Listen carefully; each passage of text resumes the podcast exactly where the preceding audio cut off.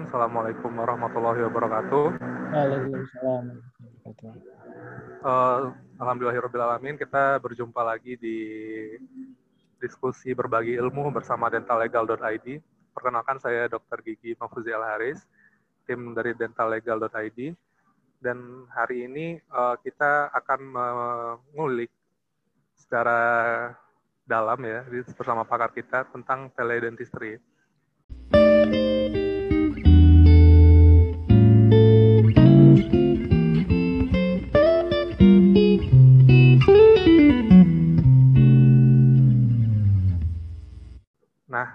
sama-sama kita tahu teledentistry itu bagian dari telemedicine yang mulai dikenal pada mulai pertengahan ya.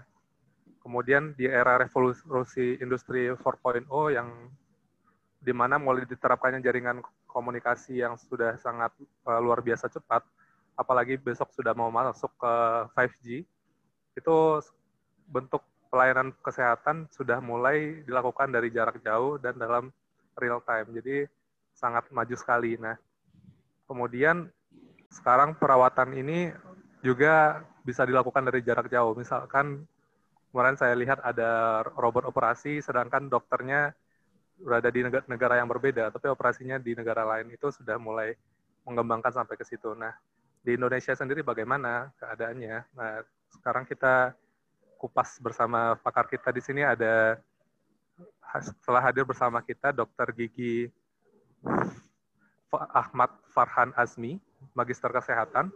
Beliau uh, juga sebagai founder atau CEO ya dok. Saya nyebutnya CEO ya dok, boleh ya dok ya. Uh, dari ruang, ruang praktek ya. Iya dok. Ya dan kemudian ada kelola.net ya dok ya. Oke. Nah, terima kasih dok sebelumnya sudah meluangkan waktunya bersama kami berbagi-bagi pengalaman, berbagi ilmu, dan semoga bermanfaat bagi peserta dan juga kita semua.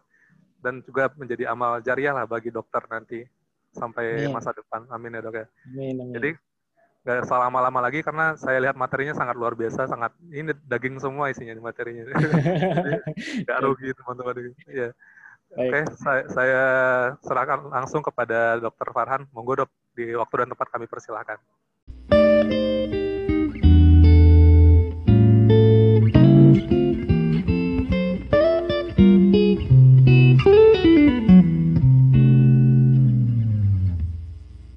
Saya mulai dengan uh, sebuah uh, diagram. Ini adalah uh, sebuah diagram yang dari ADA ya. Jadi ini adalah uh, status tentang uh, praktek. Ini yang ada di Amerika sih. Tapi ini mirip yang kejadiannya dengan di Indonesia. Jadi awal Maret itu uh, banyak yang uh, tutup ya banyak yang tutup. Ada yang buka dengan pasien yang sangat sedikit. Kemudian di Juni itu banyak yang sudah buka, tapi pasiennya juga masih sedikit. Ada yang juga udah buka, tapi pasiennya normal-normal aja. Nah ini uh, Desember ini kondisinya mirip-mirip. Jadi pasien-pasien itu udah apa sama kondisinya juga di rumah sakit itu pasiennya juga mulai menurun. Jadi uh, turbulensinya luar biasa dan kita perlu uh, mengatur uh, apa namanya uh, model bisnis ini sehingga bisa berjalan. Kemarin juga sejawat-sejawat kayak di Purwakarta juga sempat bilang uh, gimana pun marketing yang kita jalankan ya kita terbatas gitu. Misalkan buka praktek jam uh, habis maghrib gitu ya, jam 6 sampai jam 9 karena eh, di kota ada beberapa praktekan yang dibatasi gitu ya. Jadi sampai jam 9 aja.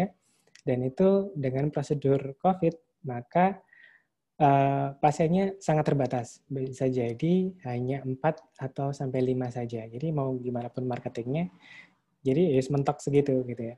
Ada juga yang apa namanya, jadi uh, turbulensinya luar biasa sehingga kita harus adaptasi terhadap perubahan-perubahan itu. Dan juga ada hal-hal yang perlu kita uh, seleksi, kita waspadai. Yang dulunya terima pasien istilahnya langsung datang, pasien langsung diterima aja, tapi dengan adanya COVID ini kita perlu melakukan screening melalui uh, telemedicine. Salah satunya sudah dilakukan misalkan melalui Google Form.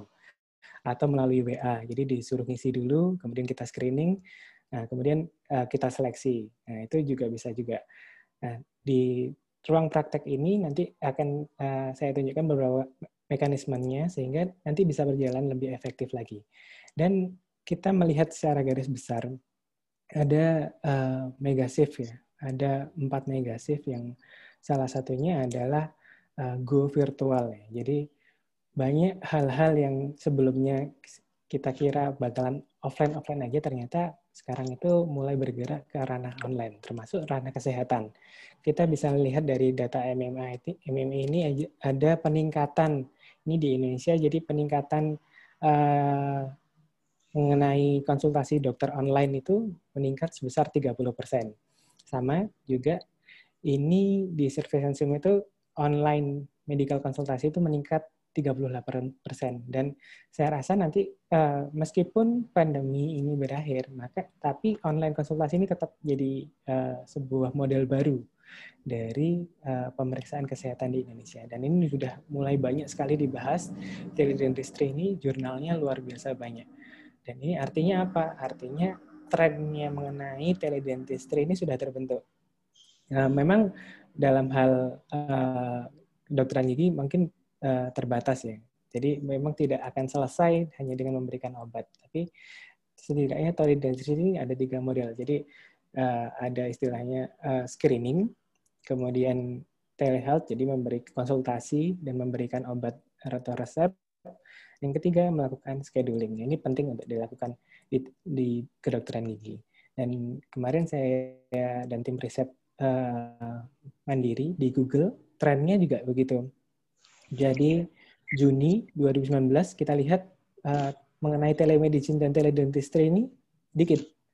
Dan sejak Maret ini angkanya meningkat seperti ini.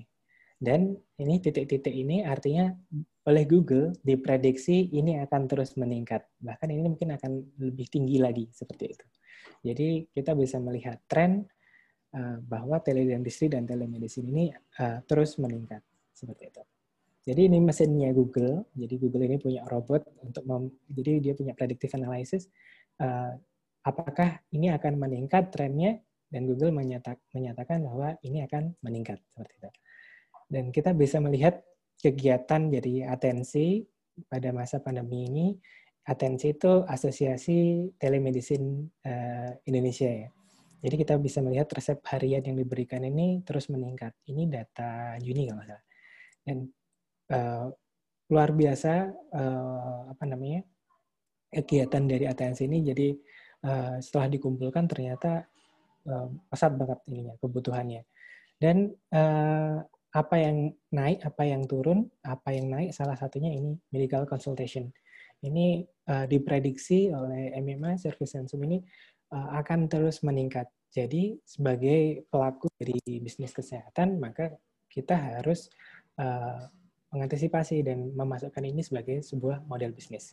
Nah, selanjutnya apa nih? Kita sudah dapat uh, sebuah insight bahwa oh ini penting nih untuk diketahui nih uh, trennya sudah kita tahu, kita nangkep nih maksudnya medical konsultasi. Selanjutnya kita harus apa? Nah, dari segi uh, pengelolaan karena COVID ini uh, kita kan pasti banyak cost ya. Ada cost tambahan seperti cost APD, kemudian uh, misalkan ada extra section dan macam-macam, nah itu kita perlu mengendalikan istilahnya, mengendalikan biaya. Bukan menghemat, jadi mengendalikan ini lebih dari menghemat, tapi ada hal-hal yang kita harus kendalikan, jadi nggak boleh boros, tapi juga efektif dan efisien. Dan ada pengeluaran biaya yang harus kita kontrol. Nah, uh, udah nggak zaman lagi uh, rame-ramean apa ruang tunggu gitu ya. Ruang ini ruang tunggu kami malah kan malah kan nggak boleh sekarang. Jadi ini harus uh, benar-benar kita tata manajemennya bahwa uh, ini harus uh, rame tapi tetap tertata. Nah kayak gitu. Dan kita perlu uh, melakukan remodel bisnis ya. Jadi kita harus menghadirkan ini yang utama menghadirkan layanan yang selaras dengan perubahan. Perubahannya apa? Tadi sesuai dengan trennya. Trennya naik maka kita online medical konsultasinya naik, maka kita harus menghadirkan layanan tersebut. Dan kita harus melakukan promosi serta membangun jejaring-jejaring baru sehingga uh, ini bisnis kesehatannya ini tetap klinik dan praktik ini tetap berjalan secara uh, optimal dan aman seperti itu. Nah ini kalau kita baca uh, apa namanya istilahnya model bisnis canvasnya ya. Jadi kalau kita mau jadi value-nya itu kita punya value uh, value apa namanya value mengenai medical konsultasi online. Jadi wah ini dokternya sekarang sudah bisa online nih. Ininya apa pemeriksaannya, kemudian ke apa namanya pendaftarannya. Nah, ini kemudian sesuai dengan uh, itu perlu di, juga disampaikan. Jadi channelnya kita sampaikan nih. Di, jadi harus perbanyak digital touch point-nya. Jadi misalkan kita ada WA, kita ada IG, kita ada Google My Business, kita ada website. Nah, ini istilahnya ada IMC, Integrated eh, Marketing Communication. Jadi, seluruh media yang kita punya itu harus terintegrasi, informasinya sama. Jadi jangan sampai di IG ngomongnya beda sama di website. Jangan sampai nanti beda sama di WA. Jadi secara channel ini IMC-nya harus uh, tertata dengan bagus sehingga informasi yang disampaikan semua sama.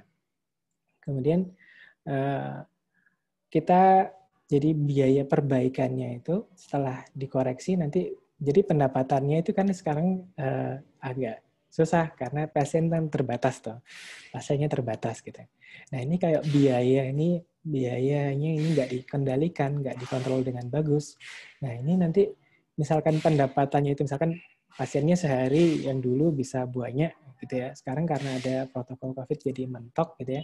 Maksudnya uh, misalkan stabil segini aja. Nah ini kalau pendapatannya nggak dikontrol ini bahaya. Nah ini ketika dikontrol maka ini jadi selisih antara pendapatan dan biaya ini adalah margin.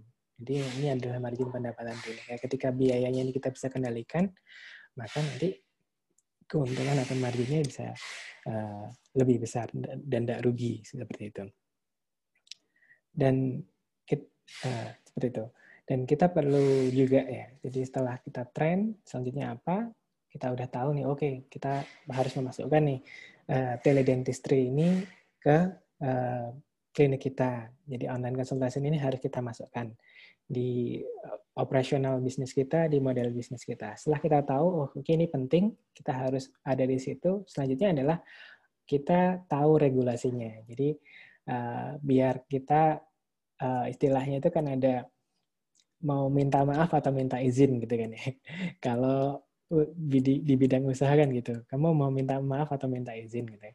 Nah, lebih baik adalah minta izin dulu. Kita tahu uh, regulasinya, izin-izinnya seperti apa, sehingga kita nggak tiba-tiba salah di tengah jalan terus kita minta maaf gitu ya. Nah, ini dulu uh, memang benar apa yang disampaikan Dokter Fahmi itu ya. Jadi dulu itu teledentistry ini sangat susah berkembang di Indonesia. Karena apa? Karena uh, Permenkesnya nggak ada, undang-undangnya nggak ada yang apa namanya uh, menjamin bahwa ini harus bisa dilakukan gitu loh. Nah ini baru bisa dilakukan, maksudnya secara sah dilakukan gitu ya. Itu setelah ada surat himbauan. Ini awalnya dulu masih surat himbauan dari Dirjen Pelayanan Kesehatan. Awalnya masih surat himbauan.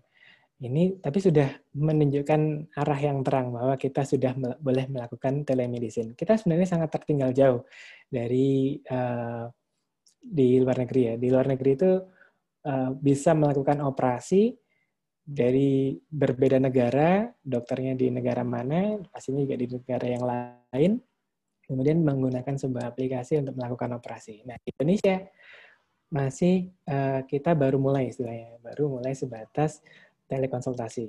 Ini tapi ini merupakan sebuah titik cerah di mana kita sudah boleh melakukan telekonsultasi dulu bahkan uh, ada sebuah aplikasi besar di Indonesia itu dia belum mengatakan bahwa uh, ini adalah sebuah telekonsultasi atau telemedicine, tapi dia mengatakan ini adalah ruang komunikasi antara dokter dan pasien. Jadi jadi kalau apa bedanya kalau ruang komunikasi sama telekonsultasi? Beda banget. Jadi kalau telemedicine itu nanti ada anamnesa, boleh menentukan diagnosis, boleh ngasih resep gitu ya.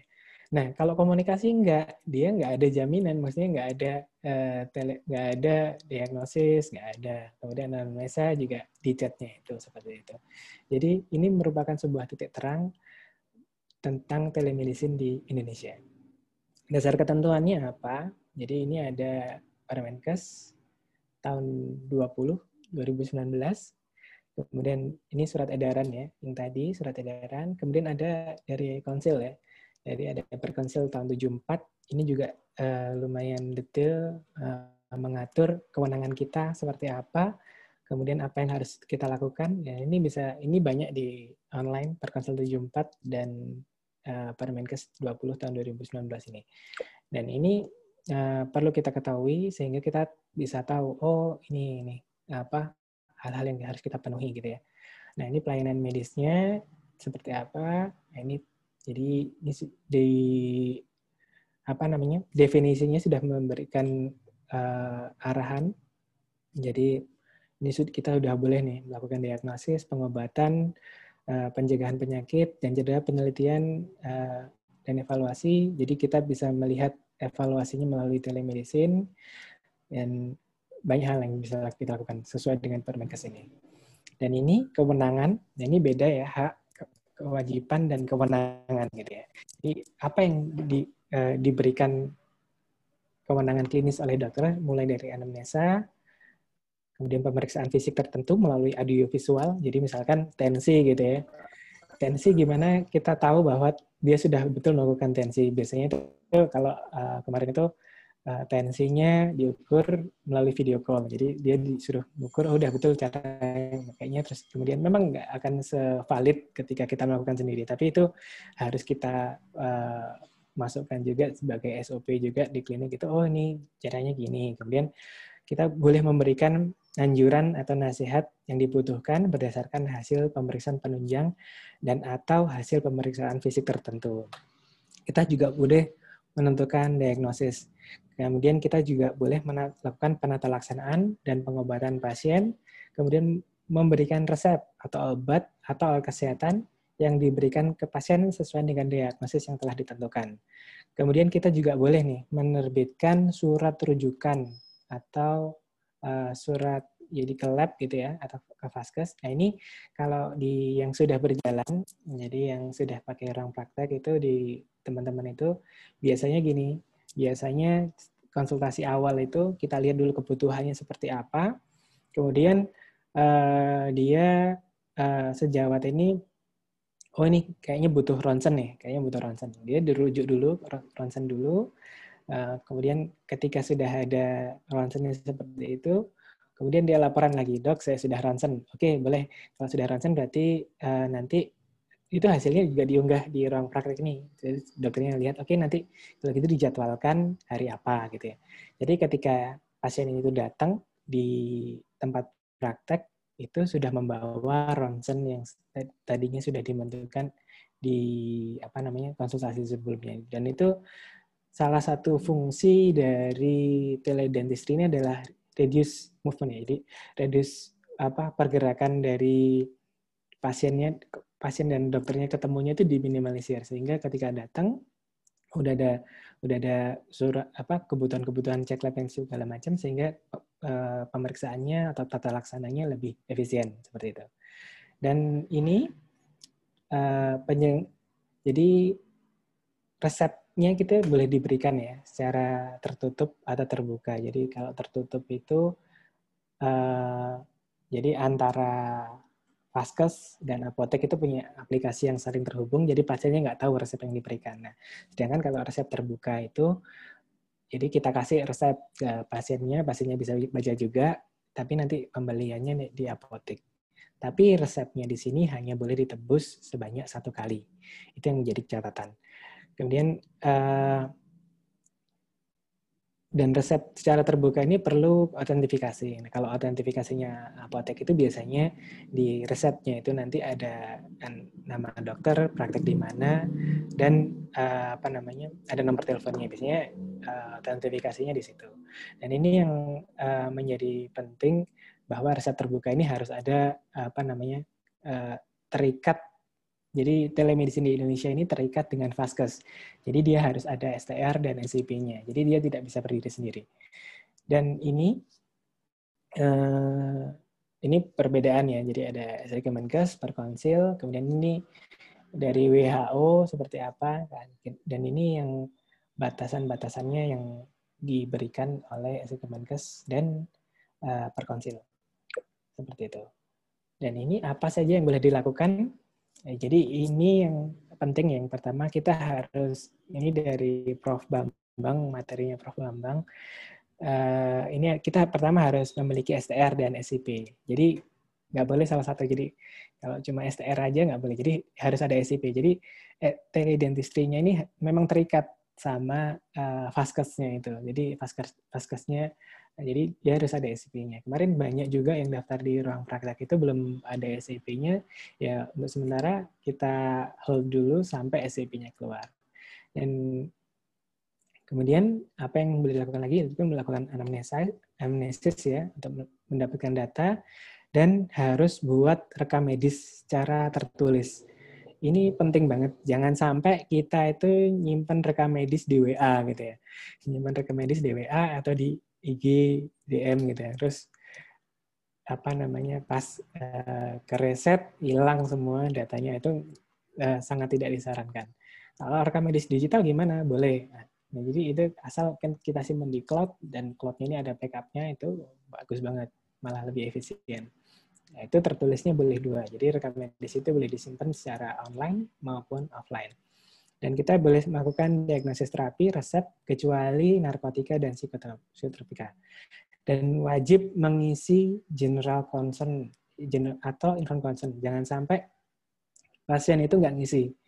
Jadi kalau di WA itu kan biasanya langsung tuh uh, dok apa namanya uh, saya mau periksa gini gini itu nggak sempat ngisi general concern inform concern itu tidak sesuai dengan para konsil. Jadi para konsilnya adalah wajib mengisi general concern atau inform concern jadi itu uh, hal wajib yang dilakukan. Jangan sampai dan ini bahkan kemarin ada tambahan uh, apa namanya permintaan dari sejawat juga untuk menambahkan inform concern perawatan. Karena uh, kemarin ada beberapa kasus yang uh, sempat ramai juga kan uh, karena inform concern-nya itu kurang kuat sehingga uh, dokternya yang malah dituntut seperti itu. Jadi kan uh, ini penting juga mengis, punya general concern atau inform concern yang uh, rigid, yang detail sehingga menghindarkan uh, tuntutan uh, dari pasien ke dokter karena informasi yang diberikan itu kurang jelas. Kemudian memberikan surat keterangan sakit boleh dan wajib menjaga kerahasiaan pasien ya dan mengutamakan keselamatan pasien. Dan ini penting jadi gini, misalkan dalam suatu uh, sesi konsultasi kita menemukan bahwa oh ini uh, apa namanya? Uh, gawat darurat nih, maka sesi konsultasi tersebut harus segera merujuk pasien tersebut untuk ke ICU misalkan seperti itu. Jadi ini pasal yang mengutamakan keselamatan pasien. Jadi teledentistry ini boleh dilakukan untuk kasus-kasus yang nggak gawat darurat. Yang gawat darurat harus segera dirujuk. Dan ini yang ke, yang terakhir dan kita boleh mendapatkan imbalan. Boleh mendapatkan imbalan dari sesi konsultasi itu. Yang susah uh, kalau pakai WA eh, atau pakai IG itu adalah nagihnya gitu kan. itu susah banget bukan susah sih, sungkan, sungkan memberikan uh, invoice gitu ya ke pasien. Nah ini kemarin itu uh, waktu awal, jadi apa namanya uh, di ruang praktek ini sempat beberapa kali perubahan ya. Jadi perubahan cara bayar. Jadi dulunya itu kalau uh, jadi ini bayar dulu bayar dulu baru melakukan konsultasi. Dulu ada juga ada beberapa model juga yang kita lakukan. Jadi resep baru diberikan ketika sudah membayar. Jadi jadi ada jadi kayak checklistnya gitu. Kalau ketika udah masuk nih uh, transfernya itu kita oke, okay, nanti resepnya baru diberikan ke pasien seperti itu. Tapi untuk yang akhir-akhir ini kita belum melakukan perubahan model, jadi harus bayar dulu harus bayar dulu kalau udah bayar baru bisa melakukan konsultasi karena banyak kasus juga uh, bayar di akhir itu pasiennya akhirnya nggak bayar jadi udah capek-capek konsultasi eh ternyata kok malah nggak bayar kayak gitu dan apa yang nggak boleh dilakukan? Ini melakukan uh, tanpa melalui Fasiankes. Ini yang saya bilang tadi harus ada SIP-nya. Jadi harus ada SIP. Kemudian nggak boleh uh, melakukan tindakan tidak jujur, tidak etis, dan tidak memadai. Kemudian melakukan uh, tindakan tercela, intimidasi, dan kekerasan. Dan tidak boleh melakukan tindakan invasif ya. Jadi misalkan dipandu secara video call gitu ya. Ya itu giginya diikat gitu ya. Kemudian ditarik ya. Itu nggak boleh atau misalkan mau lakukan operasi gitu melalui tutorial di video call itu juga boleh nggak boleh. Jadi ini uh, harus uh, yang bukan invasif ya. Jadi obat-obatan rujukan seperti tadi. Kemudian diagnosis terapi di luar kompetensi nggak boleh. Terus nggak boleh memberikan uh, pemeriksaan penunjang yang nggak relevan dengan diagnosisnya. Dan kita nggak boleh menarik biaya di luar ketentuan. Dan ini yang penting tidak boleh memberikan surat keterangan sehat di telemedicine. Nah ini alurnya, jadi yang pertama pasien harus ngisi dulu inform consent. Nah setelah dia mengisi, kita periksa. Setelah kita periksa, nah di ruang praktek ini kami desain bisa chat, telepon, dan video dalam aplikasi itu. Dan kemudian kan udah ketemu nih diagnosisnya apa. Nah, ketika diagnosisnya apa, ini ada beberapa uh, alur. Misalkan kita beri resep, ini alur pertama ya. Jadi dia setelah ngisi, datang, diagnosis, kita beri resep. Nah, alur kedua, misalkan setelah kita diagnosis, oh ini dia perlu nih uh, apa namanya rujukan. Kemudian setelah kita kasih rujukan, kemudian kita atur jadwalnya, kemudian kita rawat di vaskes. Seperti itu. Ada juga jadi dari segi pasien itu juga ada gini, kalau misalkan dia harus dirawat di vaskes, ditentukan itu sistem itu mengatur bahwa dia harus mengisi uh, istilahnya form pernyataan sehat gitu ya. Setelah dia mengisi, maka baru bisa dijadwalkan. Jadi setelah diisi, kemudian baru bisa dijadwalkan untuk perawatan di vaskes. Nah, Kemudian, tapi ketika dari diagnosis ini ditemukan emergensi, maka dia harus dirujuk segera ke IGD. Seperti itu. Ini uh, paling tidak ada tiga alur yang kita bisa manfaatkan integrasinya di mana di telemedicine itu seperti itu. Nah, fungsinya ada paling tidak enam ya. Enam telediagnosis, telekonsultasi, telemonitoring, kemudian reduce human contact ya, jadi misalkan perlu rujukan itu kita bisa rujuk dulu dan telescreening ini yang penting juga perlu kita lakukan. Ini karena banyak juga yang ya, ya ada beberapa yang uh, loss saya tanpa ada screening. Ya, ini perlu kita apa namanya di telemedicine ini juga bisa kita apa namanya uh, kunci. Jadi telescreening ini kan bisa terekam ya secara sistem. Jadi dia mengisi apa itu kan jadi pegangan kita oh ini apa namanya pasiennya seperti ini. Nah, ini apa yang harus kita lakukan. Nah, kemudian uh, ini fungsi utamanya jadi menggunakan teledentistry ini untuk mengurangi resiko di human human contact. Jadi biasanya nih workflow-nya terpisah-pisah. Jadi setelah dia memiliki SIP, STR ya, kemudian macam-macam nih. Ada yang ya, melakukan analisisnya itu pakai WA, Telegram, Line, FB, IG, ada juga yang pakai Zoom. Kemudian uh, ada juga di beberapa rumah sakit besar itu uh, ini pakai Zoom, tapi harus bayar dulu. Setelah bayar, terus kemudian dapat dapat waktu, kemudian nanti konsultasinya pakai Zoom. Kemudian kalau ngisi general concern biasanya ada yang pakai Google Form. Jadi ngisi lompat ke platformnya Google Form, kemudian pakai WA lagi, dan kemudian rekam medisnya ada yang nulis manual, ada yang nyimpen di Messenger. Ini bahaya kalau di Messenger. Kemudian uh, kemudian pemeriksaan penunjang, nah ini biasanya tulis ada yang ditulis di kertas, kemudian difoto, ada juga yang dikirim uh, salinannya. Kemudian resepnya ada yang via email, WA, ada yang obat diantar. Kemudian mendapatkan dan nggak ada masalah. Schedulingnya biasanya ada yang pakai Google Calendar. Ada juga screeningnya ini seperti tadi menggunakan Google Form. Nah ini di ruang praktek ini kita mencoba merangkum semua itu jadi satu. Jadi dalam semua aplikasi. Jadi uh, ada chatnya, kemudian ada chatbot virtual. Jadi ketika pasien datang itu ada anamnesis awal yang biasa kita lakukan. Uh, sakitnya apa, udah minum obat apa belum, udah berapa lama, kemudian uh, itu anamnesis awal itu apa namanya anamnesis awal yang biasa kita lakukan uh, itu dilakukan oleh robot. Kemudian uh, rekam medis itu juga disimpan di ruang praktek ini. Kemudian paymentnya ini kita lagi ngembangin uh, VA juga. Jadi kalau VA-nya sudah uh, terverifikasi oleh sistem, maka bisa langsung uh, konsultasi. Kemudian uh, ada memberikan resep, rujukan lab, dan rujukan ronsen, info concern, dan scheduling di dalam satu aplikasi. Nah, ini salah satu uh, screenshot-nya ya dari ruang praktek. Jadi ketika melakukan telemedicine itu ada info concern yang diisi, jadi dia bisa mengisi untuk dirinya sendiri atau uh, untuk orang lain. Dan uh, ini isinya dan ini lagi direvisi juga karena ada beberapa hal yang perlu kita tambahkan juga di info concern ini.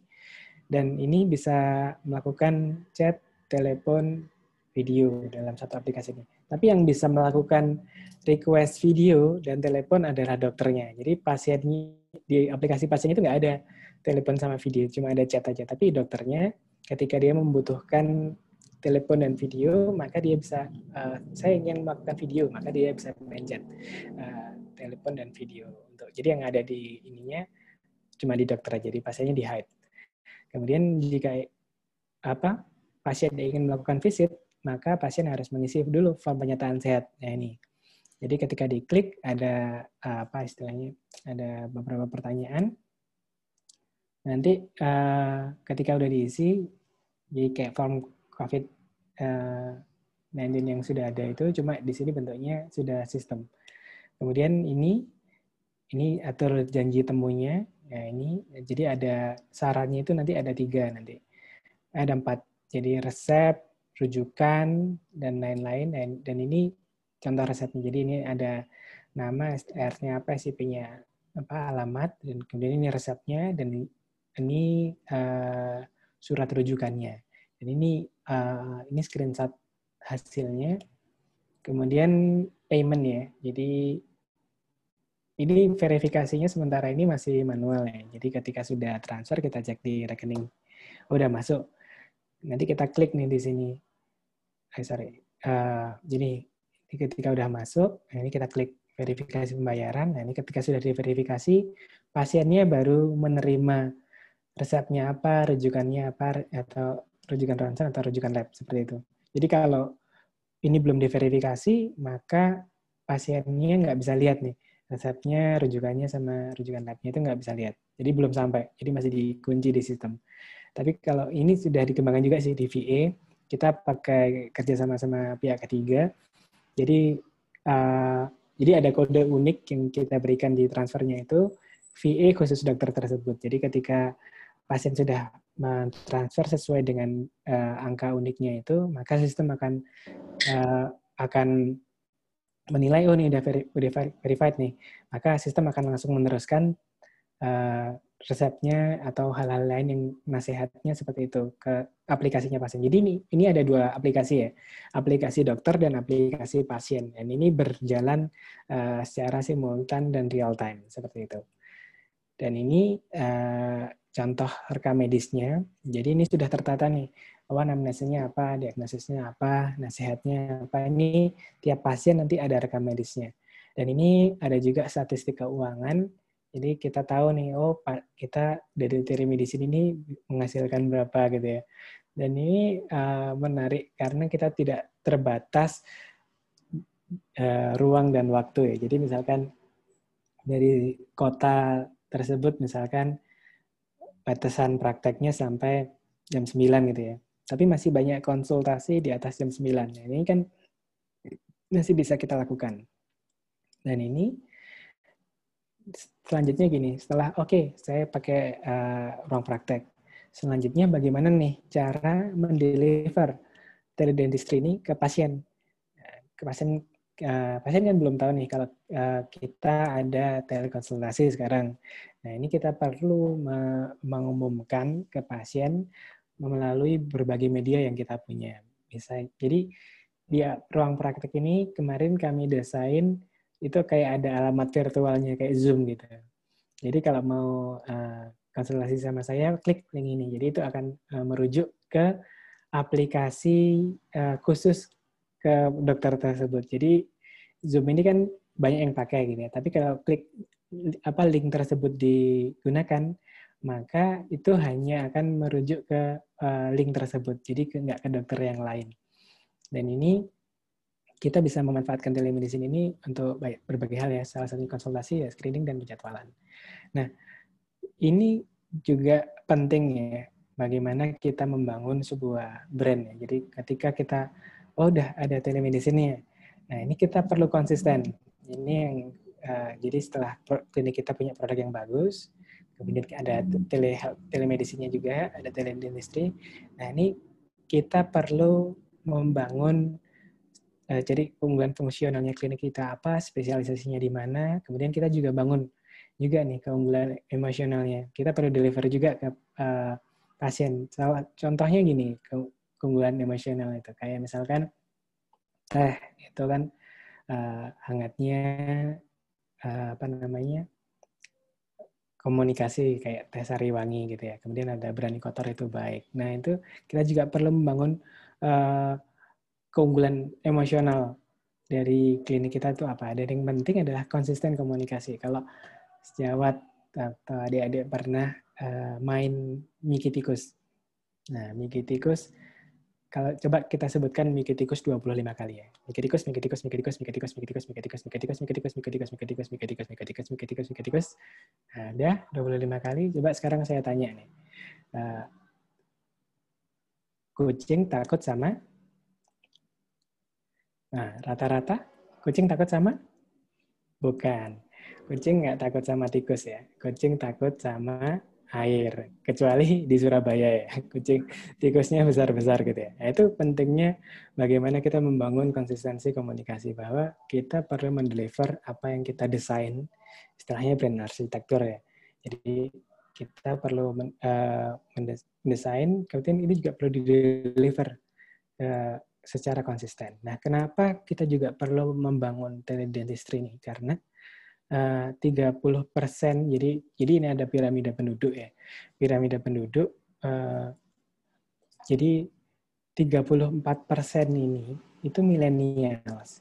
Coba dilihat usianya, 35 sampai 24 ini ya. Ini belum termasuk alpha ya, yang suka TikTok kan. Nah, generasi milenials ini 10 tahun ke depan atau 5 lah, 5 sampai 10 tahun ke depan dia ini menjadi uh, pemangku kebijakan. Dia juga punya rata-rata ini juga punya anak, juga punya keluarga kecil ya. Dan ini generasi ini ini uh, terkonek terkoneksi secara behavior itu dia terkoneksi, dia kreatif dan punya confidence yang tinggi dan dia ini uh, uh, git git ini gate orientednya itu lumayan tinggi. Ya, ini perlu kita manfaatin untuk uh, di teledentistry ini. Jadi jangan sampai ketinggalan tren. Jadi 5-10 tahun ke depan ini uh, teledentistry ini ini sekarang udah booming, tapi nanti 5 sampai 10 tahun ke depan ini lebih boom lagi, lebih luar biasa lagi teknologi yang ada. Jadi jangan sampai ketinggalan uh, movement dari teledentistry ini. Dan kita kalau masalah bicara masalah marketing ya, jadi kita umumin uh, bahwa kita punya teledentistry, terus kemudian kita marketing klinik itu hitungannya detik. Bahkan kalau riset paling lama itu uh, hitungannya tiga, tiga detik. Uh, kita diberikan kesempatan untuk memberikan sebuah iklan ke customer itu tantangannya tiga detik. Tapi ber, beberapa waktu ini lebih pendek lagi, bahkan kurang dari satu detik untuk menarik perhatian. Jadi ini juga perlu kita pelajari juga nih caranya marketing. Contohnya gini, ini analogi yang menarik dari obat pel ini ya. Ini kan warnanya hijau semua gitu ya. Warnanya hijau semua. Nah ini ada yang satu sadar, ini. sadar kemudian dia coba merubah nih jadi warna putih tapi tetap ada hijaunya karena hijau itu kan seger gitu ya uh, seger nah kemudian nah ini kalau di uh, jejer gitu ya. Ada empat ini kelihatan nih kelihatan sendiri. Nah ini gimana nih kalau di rak nah ini kalau kita jalan di sebuah etalase supermarket kalau kita jalan hitungan detik kita apa namanya berjalan kira-kira mana nih yang akan menarik perhatian? Ya yang putih karena dia berbeda. Dia punya sisi lain yang uh, di bawah sadar kita oh ini menarik nih. Ya, seperti itu. Nah sama nanti kita perlu mereposisi uh, klinik gitu ya jadi positioning itu adalah apa yang ada dalam benak bukan benak kita tapi benak customer jadi contoh studi kasusnya Oreo nih kira-kira nih kalau Oreo ini orang ya kira-kira nih kalau Oreo ini orang di benak sejawat itu atau di benaknya adik-adik Oreo ini kalau orang itu kayak gimana? Atau kayak gini? Anak-anak gitu ya, gemesin, lucu. Kalau yang uh, usianya ya mirip-mirip saya ini kayaknya iklan ini familiar ya. Akila ini ya. Akila ya namanya. Ini anak-anak lucu, gemesin, imut, ceria. Nah ini uh, itu positioningnya orang kalau di orang kan Oreo itu kayak gitu. Anak-anak lucu, gemesin, ilmu ceria. Coba perhatikan emang ada yang iklannya Oreo itu eh, nggak uh, gini. Pasti gini, coba dilihat. Dan ini nggak cuma di Indonesia. Ini di luar negeri, itu sama. Coba browsing ya, iklan Oreo di luar negeri. Itu sama. Arsitekturnya sama. Nah ini faktanya, ya, bisnis Oreo itu ternyata lebih dari 100 tahun umurnya. Nah ini kalau kita lihat ini udah sangat tua gitu ya, secara bisnis gitu ya. Udah sangat tua, udah uh, sangat mature banget. Tapi di pikiran kita itu beda. Dia di pikiran kita itu anak-anak loh. Ternyata udah tua tuh. Udah satu tahun tuh. Ya, itu namanya brand asset, eh, brand arsitektur. Jadi kita punya arsitek. Uh, jadi nggak cuma rumah yang kita kasih arsitek, ya, tapi brand kita itu, brand klinik kita, brand praktek kita itu juga bisa uh, punya arsitektur. Dan ini penting. Jadi bagaimana kita menjalankan bisnis uh, kesehatan itu ketika sudah apa namanya nggak ada kita di situ jadi jangan sampai klinik itu berjalan dokter oriented jadi ketika dokternya nggak ada di situ kliniknya langsung sepi nah itu bisa bahaya jadi uh, bagaimana nama klinik itu bisa maju meskipun memang pasti ada dokter oriented ya pasti ya tapi bagaimana itu mengurangi ketergantungan yang seperti itu jadi ada beberapa kasus yang klinik itu sudah nggak tergantung dengan sama dokter, tapi langsung brand klinik itu udah bagus. Jadi ketika brand itu disebut, siapa pun dokternya pasti bagus. Nah itu sangat menarik untuk diterapkan. Lalu apa saja yang perlu dilakukan? Nah, itu melakukan uh, positioning dan kita kan perlu mendeliver terhadap uh, ke customer itu dan terus kita terus berinovasi. Nah di kelola itu ada juga uh, partnernya kelola itu punya tiga klinik tiga klinik ini semuanya terintegrasi di kelola. Jadi pasiennya itu mau lompat ke klinik A, B, C, rekam medisnya semua terintegrasi. Dia mau pindah ke dari A, kemudian dia mau ke klinik C. Nah ini pasien rekam medisnya ada di sini juga. Jadi nggak perlu ngotong-ngotong rekam medis. Jangan sampai kita itu punya rekam medis baru banyak kasus yang sebelumnya sebelum pakai kelola itu gini loh. So, apa? Saya baru satu bulan perawatan di sini kok rekam medisnya udah hilang kayak gitu kan ya. Terus buat baru lagi, buat baru lagi itu kan tambah nggak profesional. Nah ini dengan kelola ini pasiennya mau pindah ke mana aja, rekam medisnya terintegrasi semua. Jadi ini menarik. Dan ini contoh kasus juga. Ini kalau kita udah punya positioning yang bagus, ini Oreo ini contohnya. Nanti uh, apa namanya? Uh, pasti pesaingnya itu ada ya, yang niru gitu ya. Ini yang niru rodeo ini warnanya sama biru. Ini pojokannya juga sama nih kuning kuning gitu ya. Ini warnanya putih juga ada kuenya nih kuenya juga ada di sini gitu ya. Ini mereknya produsennya ini juga produsennya. Nah ini terus uh, Rodeo ini sadar nih waduh kayaknya kok ini ya kurang berkembang. Ini kita perlu reposisi nih ya repositioning klinik eh, reposisi uh, Rodeo nih. Nah dia coba berubah dia coba berubah ini fontnya udah berubah ya jadi kayak ada latifnya gitu terus dia berubah merah berubah merah nah, tapi setelah dirubah dia menyadari pasien eh pasien apa customernya ini malah bingung dia lupa warna identitinya itu uh, kalau identitinya itu biru bukan merah color itu juga uh, suatu yang penting gitu ya. Kita bisa tahu gitu loh dari jarak 50 meter bahwa itu Indomaret. Kita bisa tahu bahwa oh, itu adalah Alfamart tanpa kita melihat uh, apa namanya? tanpa kita melihat uh, namanya dulu. Tapi kita bisa lihat dari jauh itu 50 meter. Oh itu Indomaret tuh. Oh itu Alfa itu Alfamart ya. Itu ini betapa pentingnya warna. Nah ini kita dia sadar nih, waduh salah nih dirubah jadi apa namanya uh, dari apa biru ke merah nih. Nah setelah dia sadar, ya rubah lagi nih ke biru. Nah sampai juga muncul cucunya, cucunya Gorio Rio gitu ya. Jadi ini ada Oreo, Rodeo, Gorio Rio. Jadi ketika kita udah punya positioning yang bagus, brand arsitektur yang bagus, ya, pasang pasti muncul. Tapi itu ya hal yang wajar dan lumrah gitu ya. Dan kita terus harus terus seperti tadi tangga inovasi brand itu kita tetap harus berinovasi karena kalau nggak kita nggak berubah ya kita yang kelibas gitu ini. Dan masa depan telemedicine ini uh, akan terus digunakan ya meskipun pandemi ini nanti berakhir. Dan telemedicine ini adalah uh, akan menjadi salah satu tulang punggung kesehatan di masa depan. Dan kalau kita melihat di Indonesia ini fiber optiknya itu udah dibangun sangat uh, udah banyak ya. Dan arahnya sudah ke sana. Dan ini kita lihat back backhaulnya ini udah nih Jawa ini udah paling rapat ya. Kemudian Sumatera, Kalimantan. Nah ini nanti bisa jadi nih pasiennya itu nggak cuma dari Jawa aja, tapi dari uh, luar Jawa juga ketika melakukan telekonsultasi seperti itu. Dan ini infrastrukturnya dari segi satelit ini juga sudah uh, banyak dan saya rasa ke depan telemedicine, teledentistry ini menjadi sesuatu yang uh, menjadi udah bagian integral dari praktek kita sehari-hari. Dan kalau ditanya nih berapa biaya langganan ruang praktek, saya bilang gratis. Jadi ini adalah bentuk uh, CSR kita dari kelola. Jadi jadi kalau mau tanya-tanya silakan ini uh, WA adminnya kelola, eh WA adminnya ruang praktek. Jadi bisa tanya-tanya di situ. Nanti juga misalkan cara penggunaan aplikasinya gimana, nanti juga akan dipandu oleh admin kami. Jadi nanti ada teletrainingnya, misalkan cara penggunaannya uh, ruang praktek ini seperti apa. Dan di saat kondisi tidak normal ini ya, jadi kemampuan adaptasi ini menjadi sesuatu yang apa ya, jadi satu satu kunci untuk kita tetap uh, survive dan bertahan di pandemi seperti ini.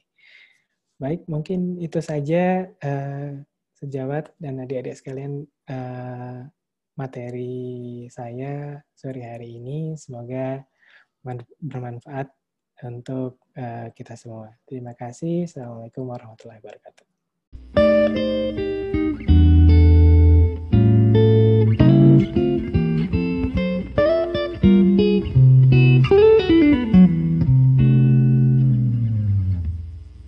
terima kasih uh, Dokter Farhan. Materinya sangat luar biasa ya. Uh, dari brand arsitektur, brand image gitu ya, sangat penting sekali dok. Kalau kayak kita kalau ingat pasta gigi, ingat pertamanya mungkin Pepsodent gitu kan. Ya itu kan kayak brand-brand image kayak gitu perlu kita kuatkan, terutama di klinik kita. Betul. Kemudian uh, kemudian uh, telemedicine ini juga perkembangannya sangat cepat, tapi kadang perkembangan yang cepat ini tidak diakomodasi oleh perkembangan regulasi juga dok. Jadi kadang keperluan-keperluan masyarakat atau keperluan dokternya juga kurang terakomodir. Nah.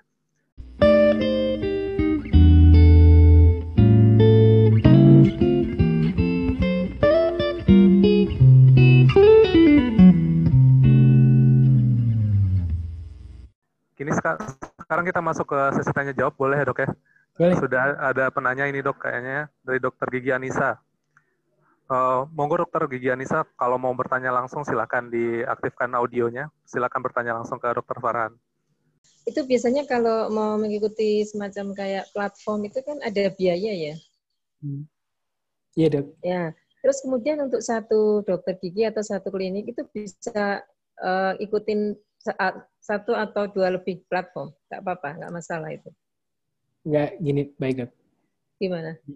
Jadi untuk uh, apakah jadi apakah dokter atau dokter gigi itu boleh mengikuti lebih dari satu platform? Jawabannya yeah. boleh dok. Jadi nggak ada masalah itu kayak buka praktek kan gitu kan ya. Dok, yeah. Jadi bisa buka praktek di uh, tiga kalau di offline kan tiga tempat. Nah kalau online ini belum ada regulasinya sih dok. Dia harus boleh ada batasannya berapa. Tapi ini nggak ada ada nggak ada batasan sih dok. Jadi misalkan mau kayak di IG, mau dibuka di WA, mau dibuka di Telegram, mau dibuka di aplikasi eh, apa namanya telemedicine itu nggak ada nggak ada batasan. Jadi bisa saja dokter ini bergabung di ruang praktek setelah sebelumnya eh, bergabung di telemedicine yang lain.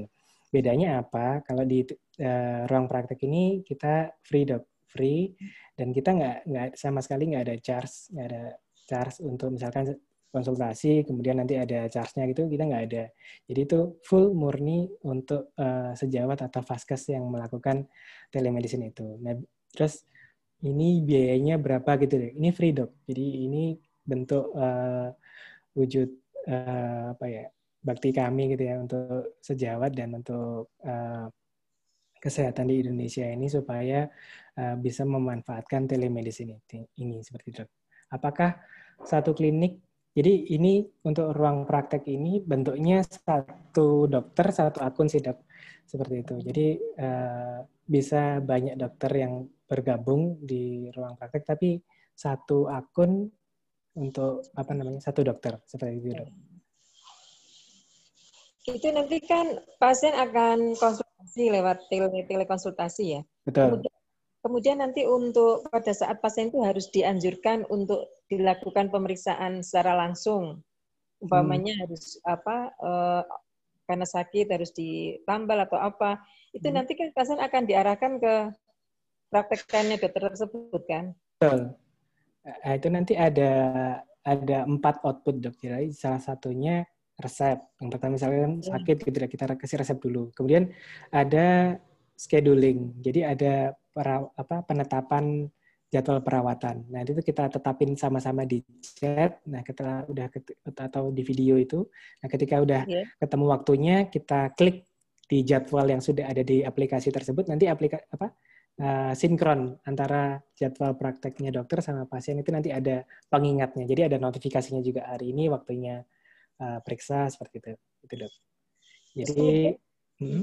Kalau pasiennya hanya konsultasi ya, hmm. itu tadi kan ada cas, ada cas yang dikenakan pasien ya. Betul, itu bisa free nanti. Oh, maksudnya begini. Um, maksudnya bisa free itu pasiennya bisa free untuk konsultasi, bisa juga betul. setelah konsultasi pasien bayar gitu. Betul, betul, bisa bisa oh, itu. seperti itu. Jadi kalau kita nolkan di di biaya apa namanya di biaya konsultasinya itu, ya nanti yeah. resepnya secara sistem akan langsung terkirim ke pasiennya.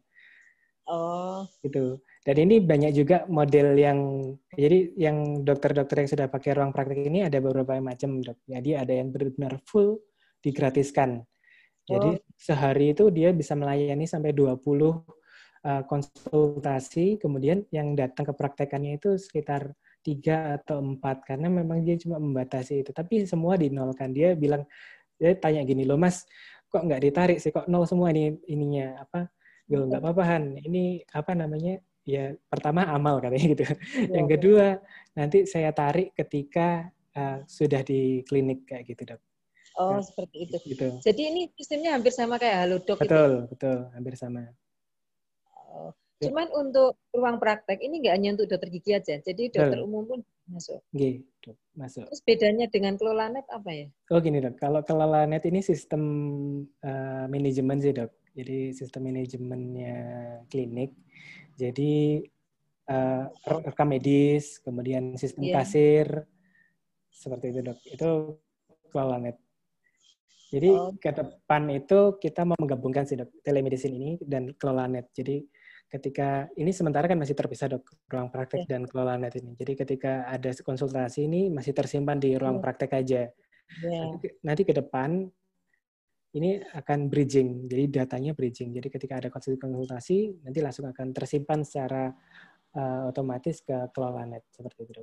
Terus untuk pasien itu tidak hmm. perlu mendownload apa-apa ya? Oh perlu dok, perlu mendownload aplikasi ruang praktek untuk pasien. Oh jadi kalau untuk kalau untuk pasien downloadnya ruang praktek. Hmm, ruang praktek untuk pasien. Ya, Jadi oh, kalau dokter ada ruang praktek untuk dokter. Oh, seperti itu. Nggih. Oh. Terus nanti untuk data-datanya nggak nggak ada kayak gambar odontogram yang seperti itu belum ya? Nah, kalau yang odontogram itu dikelola dikelola not. Oh, kelola masih dikelola. Iya, itu eh, itu sistem yang kita buat untuk manajemen dan dokter itu udah ada odontogramnya, kemudian Oh. ada diagnosisnya seperti apa, perawatannya seperti apa, dan bisa ngeluarin billing juga itu di kelola.net. Tapi untuk yang eh, ruang praktek ini belum, karena ini masih kita kerjakan dok. Kelola net sama ruang praktek itu sama sebenarnya satu Satu perusahaan, satu perusahaan ya. Nggih, satu perusahaan. Cuman kalau di kelola net kan ada biaya biaya Betul, ada biaya berlangganannya memang dok. Iya, Ya kelola.net itu kan setahunnya berapa itu satu berapa itu? Nggih, sekitar satu jutaan berapa gitu dok. Iya. Oh, cuman kalau di ruang praktek Ya, kita bentuknya free karena ini memang bentuk eh, dasar kami untuk dokter-dokter dan kesehatan di Indonesia ini supaya benar-benar prakteknya lebih aman gitu. Oh. Terus untuk daftarnya tadi ya yang sudah dicantumkan cara caranya itu ya. Oke, bisa WA ke situ dok. Oh, oke, oke. Ya, terima kasih. Baik, dokter Anissa, sama-sama dok.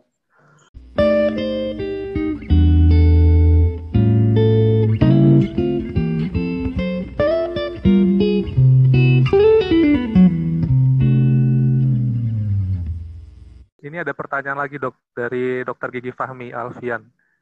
Mungkin langsung saya jawab aja dok ya. Saya kira Oh ya, monggo, monggo. sudah jelas.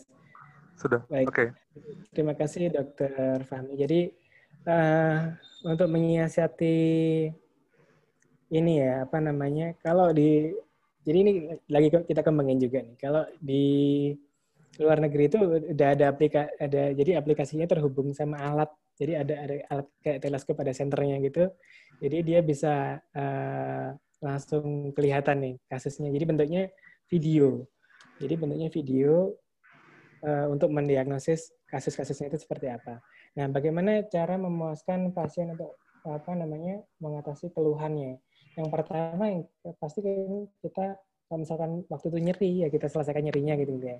Tapi kan itu nggak selesai, maka kita harus atur eh, penjadwalannya. Jadi bagaimana kita jadi gini kita tidak berhenti pad, karena kan di dokter gigi ini berbeda kasusnya ya.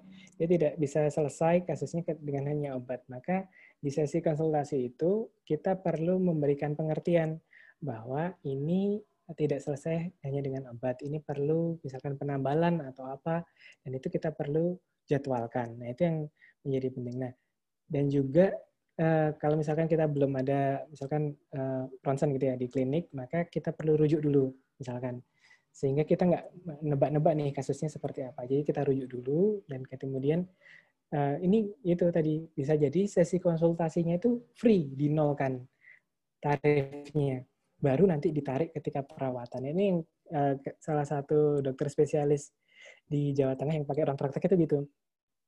Jadi dia sehari itu pasiennya kok bisa full terus mas? Nah, ternyata kayak gitu. Jadi ruang praktek ini dia nolkan. Jadi sesi konsultasinya lumayan banyak dan kemudian dia filtering Nah, mana yang sudah eh, jadi dia rujuk nih. Oh dia butuh foto, dia butuh apa? Dia dia langsung eh, lakukan di konsulta, telekonsultasi itu. Setelah semuanya lengkap, baru dirawat. Jadi pasiennya juga seneng, nggak bolak-balik. Jadi datang, oh ternyata kok masih disuruh foto, nanti suruh balik lagi ya itu. Ini secara eh, mitigasi resiko ini lebih mudah dan lebih efisien. Jadi pasiennya nggak senang, oh enak ya. Apa praktek di situ udah disuruh foto dulu, jadi nggak usah bolak-balik kayak gitu. Mungkin seperti itu dok.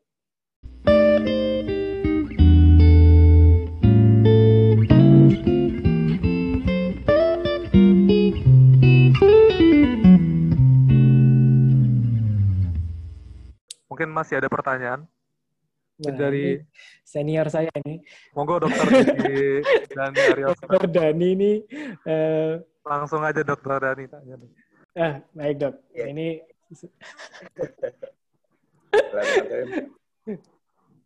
Assalamualaikum warahmatullahi wabarakatuh. Waalaikumsalam warahmatullahi wabarakatuh. Iya. Maaf ini lagi berantakan. Jadi pakai. Eh, Selamat sore dokter Dani Ya, senior saya. Eh, menarik banget ya. Ini aja. Eh, mohon izin eh, Dokter Haris ya untuk bertanya langsung ke narasumber gini, Dr. Farhan. Gini dok, menarik menarik banget ya gagasannya, gagasannya tentang apa namanya ruang praktek gitu ya. Jadi saya juga pernah nyoba tuh, saya juga pernah nyoba, cuman sempat drop juga gitu ya ketika melihat kredit dari kredit dari apa namanya aplikasinya. Jadi di Jerman itu kan dikembangkan tuh namanya ada atau apa ya. Jadi dia pengembangnya itu berapa puluh profesor, berapa subspesialistik dan sebagainya. Dan itu benar-benar kita tinggal main kuesioner gitu aja ya. Makanya tadi yang saya ingin tanyakan gitu, ya, uh, apakah ada rencana pengembangannya dengan deep learning ya? Jadi nanti ya mungkin dikombinasi lah memang dengan neural network system gitu. Jadi orang tuh tinggal foto tuh kan. Orang tinggal foto, mitigasinya nggak usah nggak usah kita repot lagi buka textbook gitu kan. Yeah. Jadi uh, kecerdasan buatannya yang mikirin buat kita berapa persen itu untuk itu dan sebagainya itu kira-kira ada nggak nih dokter Fatahan?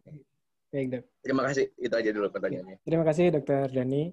Uh, jadi kita ke depan memang ada dok rencana untuk pengembangan kecerdasan buatan di ruang praktek ini. Jadi ini kemarin sudah riset juga. Jadi uh, ke, jadi misalkan lubang gitu ya. Jadi ketika dia diarahkan ke kameranya itu nanti dia uh, kamera ini mendeteksi, oh ini lubang, mana aja yang lubang. Itu kita sudah mulai riset ke sana. Cuma masih uh, memang banyak bugnya, jadi kadang-kadang masih belum pas gitu ya. Jadi uh, jadi nanti uh, sistem yang kita uh, buat ini kemarin udah tahap ke sana dok. Memang nanti ada juga, uh, jadi kan ke depan ini pengembangan kesehatan ini arahnya kan benar-benar personal ya, bahkan ada yang sampai level DNA gitu ya. Dan ini yang kemarin memang di luar negeri ini luar biasa banget perkembangannya. Jadi dia sampai ke taraf DNA menentukan obat dan perawatan secara sistem. Jadi AI-nya yang mikir buat dokternya, kemudian memberikan rekomendasi dan nanti dokternya tinggal milih oh ini ini yang tepat ini yang mana. Jadi seperti itu. Dan uh, ruang praktek memang sudah bergerak ke arah sana dok. Cuma memang belum kita publish karena masih banyak uh, pengembangan nanti daripada salah gitu. Kemarin kita masih uh, ya kayak filtering IG gitu dok ya. Dia bisa mendeteksi mata, hidung. Nah, ini kita lagi mengembangkan untuk mendeteksi yang di rongga mulut. Jadi nanti mesin yang akan mengatakan oh ini ada lesi, diameternya sekian, warnanya apa. Jadi ini nanti mesin yang ini dan memberikan istilahnya memberikan rekomendasi ke dokter. Begitu dok, dok, terima kasih responnya. Terus kalau ini nih boleh-boleh ya biar sekalian pusing gitu ya dokter Farhannya gitu ya. Pengen nambahin ide gitu ya. Jadi uh, jadi kalau kami belajar di epidemiologi itu kan selalu sebenarnya ketika data data tentang sebuah kasus itu lengkap, tinjauan analisis tentang faktor resiko. Nah, jadi saya malah melihatnya ini peran ke depan kelola.net, kemudian dengan ruang prakteknya, ini nggak sekedar mitigasi karena resiko COVID-nya sendiri ya. Jadi memang COVID itu benar-benar benar-benar menyeramkan sih. Ya, ya setelah survivor dari itu pun saya nggak nggak kemudian menjadi seseorang yang lebih berani terhadap COVID juga. Jadi tapi kalau data kita, jadi kan selama ini orang-orang medis itu selalu berpikirnya apa ya, kasuistik ke pasiennya sendiri. Padahal ketika datanya dikompilasi, semua dokter aja. Bayangin ini ada berapa yang jadi peserta gitu ya, ada 20 20 dokter, 19 sebenarnya pesertanya, 18 ya, karena ada pembicara dan moderator gitu. Ya. Jadi kalau semuanya mengkompilasikan kasusnya aja, sebenarnya kita juga terbantu biar kita mencegah kesalahan diagnosis mungkin. Yeah. Seperti itu. Jadi faktor resiko dan itu kelihatannya ya asik sih, bakalan seru gitu. Biar yeah. agak pusing dikit ya Farah. terima kasih. Tapi terima kasih luar biasa gagasannya dan kontribusinya terhadap dunia kesehatan Indonesia. Luar biasa. Baik, Dok. Terima kasih. Dok. Terima kasih atas masukannya, Dok, dan uh, arahannya ini. Ini insight yang luar biasa dari Dr. Dani untuk saya dan tim untuk lebih uh, mengimprove lagi aplikasi ini yang tidak berhenti di sini gitu dok. Terima kasih banyak.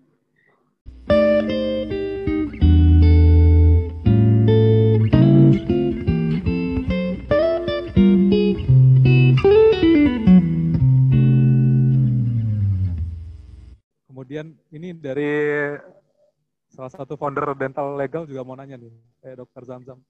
Dokter Zamzam mau tanya juga nih.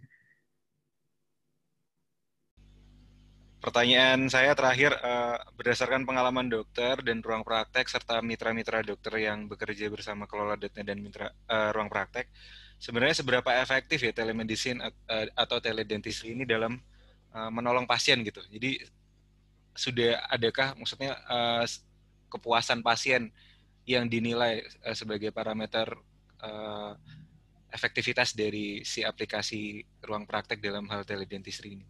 Baik, kalau masalah kepuasan pasien ya itu biasanya kita tanyakan ke dokternya sih karena kita tidak menilai langsung eh, ke pasiennya, tapi kita menilai ke dokternya, dok gimana setelah pakai ruang praktek. Nah, ini rata-rata bilang, wah ini enak, sekarang efektif, saya bisa tetap produktif. Di, jadi ada tiga jalur tadi kan ya, telekonsultasi, screening, jadi apa, secara konsultasi, misalkan ada yang bisa berbayar, jadi lebih produktif yang pertama. Yang kedua, kepuasan pasien jadi lebih meningkat, ya, karena uh, dia jadi nggak usah bolak-balik yang seperti saya tadi uh, ceritakan itu. Jadi kalau ada foto dia foto dulu, kemudian jadi ketika di tempat praktek udah langsung perawatan seperti itu. Kemudian pasiennya juga lebih puas memang. Jadi ketika konsultasi ini uh, dia uh, cepat tertangani. Jadi biasanya kan bingung tuh. Kalau misalkan mau sakit, uh, sakit gigi gini ya, ini mau konsul ke mana gitu kan. Dan rata-rata kan biasanya uh, orang Indonesia ini dokter oriented gitu ya. Dan kalau saya mau konsul ke sana ini ke mana nih pakai aplikasi apa kan kita nggak punya nomor nggak punya nomornya dokternya nih kalau ternyata dokternya dari ruang praktek nih gitu. ternyata terus kemudian dokternya juga uh, memberikan info bahwa bisa konsultasi di sini nah, itu pasiennya juga banyak yang tertolong di situ dan yang, yang terutama dokternya sih itu juga puas juga karena datanya tersimpan dengan rapi setelah pakai ruang praktek untuk telekonsultasi ini. Jadi info konsennya ter, tersimpan, kemudian rekam medisnya juga tersimpan, dan itu tercatat dengan rapi sehingga uh, pasiennya puas, dokternya juga puas seperti itu, dokter Zamzam. Ya, terima kasih uh, dokter Farhan. Monggo, dokter Haris. Oke, oh mungkin itu pertanyaan terakhir dok ya. Ya, seru banget nih pembahas pembahasannya dok. Sebenarnya banyak pertanyaan tapi kita dibatasi oleh waktu. Dan semoga telemedicine, teledentistry di Indonesia semakin ke depan semakin maju lagi, semakin eh, bisa mengakomodasi kepentingan dan keperluan pasien terutama. Amin, amin. Dan ya, tep, uh, tapi satu lagi semoga juga regulasinya juga mengikuti. Oh iya, Soalnya, ah, benar. Soalnya ini perlindungan hukum untuk dokternya juga betul, masih belum betul. belum dijamin gitu. Nah, semoga ke depan kita sama-sama lebih baik lagi. Amin. Mungkin uh, statement terakhir dokter dari dokter Farhan silakan dok. Udah, statement terakhir. Nah, Saya belum nyiapin. Penutup. Ya. penutup ya. ya, silakan uh, dokter dan sejawat sekalian menggunakan ruang praktek untuk telemedicine ini. Jadi ya bisa hubungi nomornya admin kami misalkan dokter atau sejawat membutuhkan aplikasi telemedicine yang bisa mencatat dengan rapi uh, kebutuhan telemedicine uh, dokter dan dokter gigi sekalian. Mungkin itu saja dok uh, penutup dari saya. Semoga uh, sesi ini bermanfaat ilmunya dan penuh berkah sehingga uh, bisa menjadi kebaikan untuk kita bersama. Baik, terima kasih. Assalamualaikum warahmatullahi wabarakatuh. Waalaikumsalam warahmatullahi wabarakatuh. Oke, uh, mungkin dari dental legal juga mohon undur diri. Jika ada kekurangan dari kami, salah kata atau salah sikap, kami mohon maaf. Kami juga masih belajar. Jadi uh, ke depannya bisa mengikuti terus ini berbagi ilmu bersama dentallegal.id. Masih banyak topik-topik yang menarik. Mungkin nanti juga sama dokter Farhan lagi juga ada beberapa kali ya dok ya. Mohon, mohon bantuannya dok. Oh baik baik siap. siap. Oke, terima kasih. Banyak maaf. Assalamualaikum warahmatullahi wabarakatuh. Waalaikumsalam warahmatullahi wabarakatuh.